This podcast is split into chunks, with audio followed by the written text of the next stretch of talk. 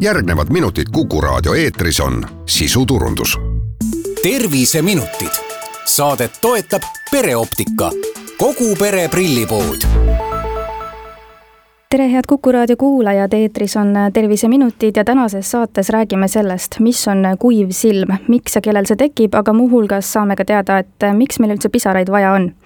mina olen Ingela Virkus ja koos minuga on stuudios pereoptika optometrist Laura Tõnov. tere! Pereoptika juhatuse esimees Jaan Põrk. tere! ja Topcon seadmete esindaja Mart Sepp. tere! mida see kuiv silm siis tähendab, mis haigus see on, kas seda saab üldse haiguseks äh, nimetada? Äh, kuiv silm on sündroom, et seda otseselt haiguseks liigitada ei saa, sest et enamasti ta on mõne muu haigusliku seisundi sümptom. kuiva silma sündroomi esineb kahte tüüpi, kas siis see, et pisaranääre ei produtseeri piisavalt pisaraid, et silm on kuiv, või siis pisaraid on piisavalt, aga pisara sisu on puudulik. mis siis tähendab seda, et pisarad aurustuvad silmapinnalt liiga kiiresti. miks meil siis äh, pisaraid äh, vaja on? pisaratel on tegelikult äh, väga palju ülesandeid, et pisarad libestavad silma, mis on vajalik selleks, et sarvkest ehk siis silma eesmine läbipaistev osa oleks läbipaistev samuti kaitsevad äh, pisarad meie silma võõrkehade eest äh, ja pisaratel on ka antibakteriaalsed toimeained no pisar ei ole ju ka lihtsalt pisar, vaid äh, võib eristada vist määrdepisarat, ärrituspisarat.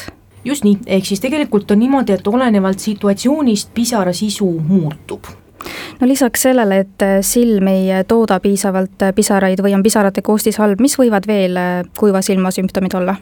Näiteks põletustunne, võõrkehatunne silmas, valu, fotofoobia ehk siis valguse kartus ja kohati ka udune nägemine, mis paraneb peale pilgutamist millal on aga asi juba tõsine ja tasuks siis näiteks äh, optometristi poole pöörduda või kelle poole üldse tasuks äh, sellisel juhul äh, pöörduda? kuna kuiva silma põhjuseid on erinevaid, et nad võivad ka, kuiv silm võib ka tekkida näiteks üldhaigustest, siis kindlasti tuleks kõigepealt välistada kõik üldhaigused, ka tegelikult silmahaigused, millega siis seotud kuiv silm on ja võib ka tegelikult pöörduda täiesti optometristi poole, kus siis tegelikult uuritakse ka seda silmapinda ja ka pisaraid väga täpselt. no aga mis on see levinum põhjus, miks kuiv silm tekib?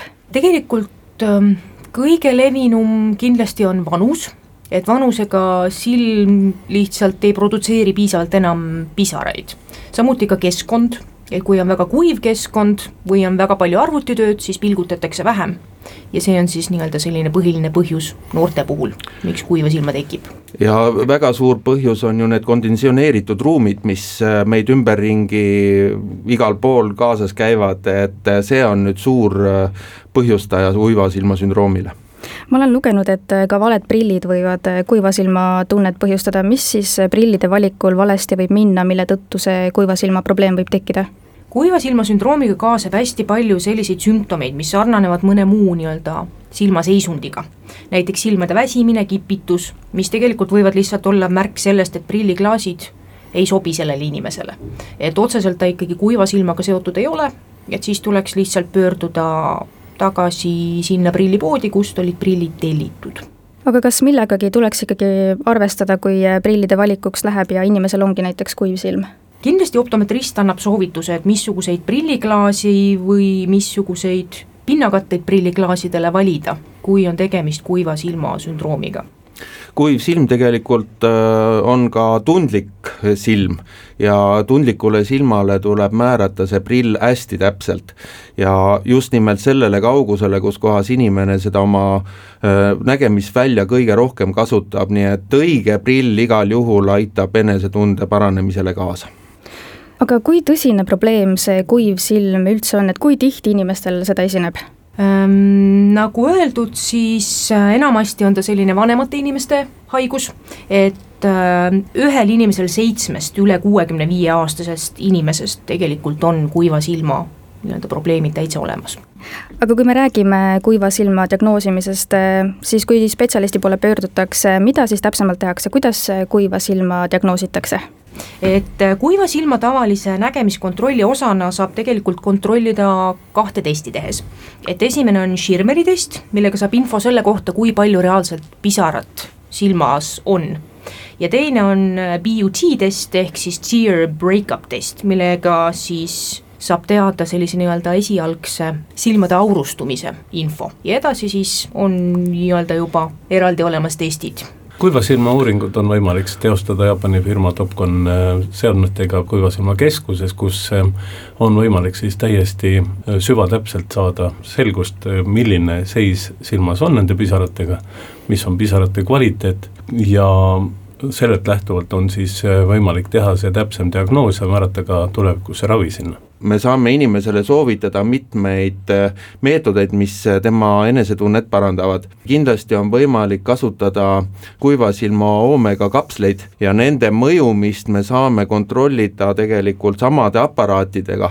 Kui inimene on kasutanud neid kapsleid kuu aega, siis me teeme teise kontrolli ja kohe selle kontrolli käigus on võimalik äh, tuvastada, kas me oleme nende äh, kapslitega saanud äh, selle enesetunde ja olukorra paremaks. kui selgub, et kapslite mõju ei ole olnud piisav, siis saame teha ka järgnevad protseduurid, need on siis madalsagedusvalgusega meibommäärmete mõjutamise, nii et taastada nendes siis elujõud ja tuua silmatervis nagu tagasi.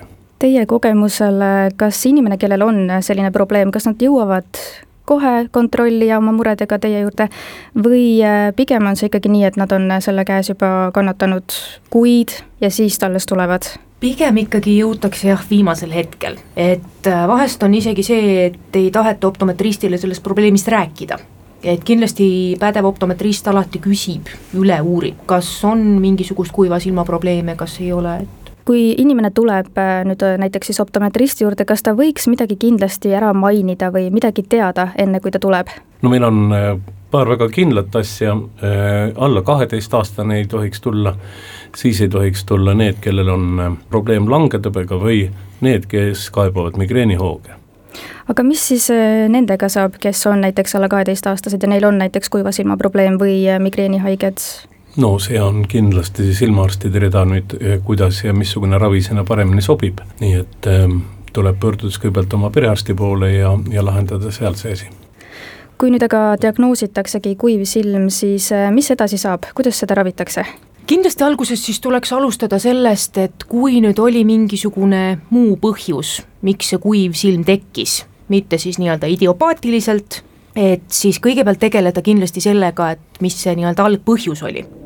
Äh, sellele siis lisaks äh, valgussagedusravi, ka silmatilgad, kuiva silma omega, mis siis aitab samuti seda nii-öelda silmatervist parandada, ja ka kompressid ja mehaaniline massaaž tegelikult samat moodi, mida võiks teha igapäevaselt ehk siis äh, silmade ümber ise näiteks saaks ka mingit massaaži teha? just nii, silmalaugude massaaž. no kuiva silma ravi on muidugi vastavalt sellele, mis on põhjustanud selle kuiva silma sündroomi aga ongi siis low light level treatment ehk siis madalsagedusega infrapuna nii-öelda ravi, milles antakse siis elujõud nendele meibominäärmetele ja, ja see omakorda soodustab äh, selle õlija pinna siis tekkimist silmapinnale, mis hoiab siis paigal ka pisara ja see ei liigu minema ja see teeb olukorra palju kergemaks inimesele.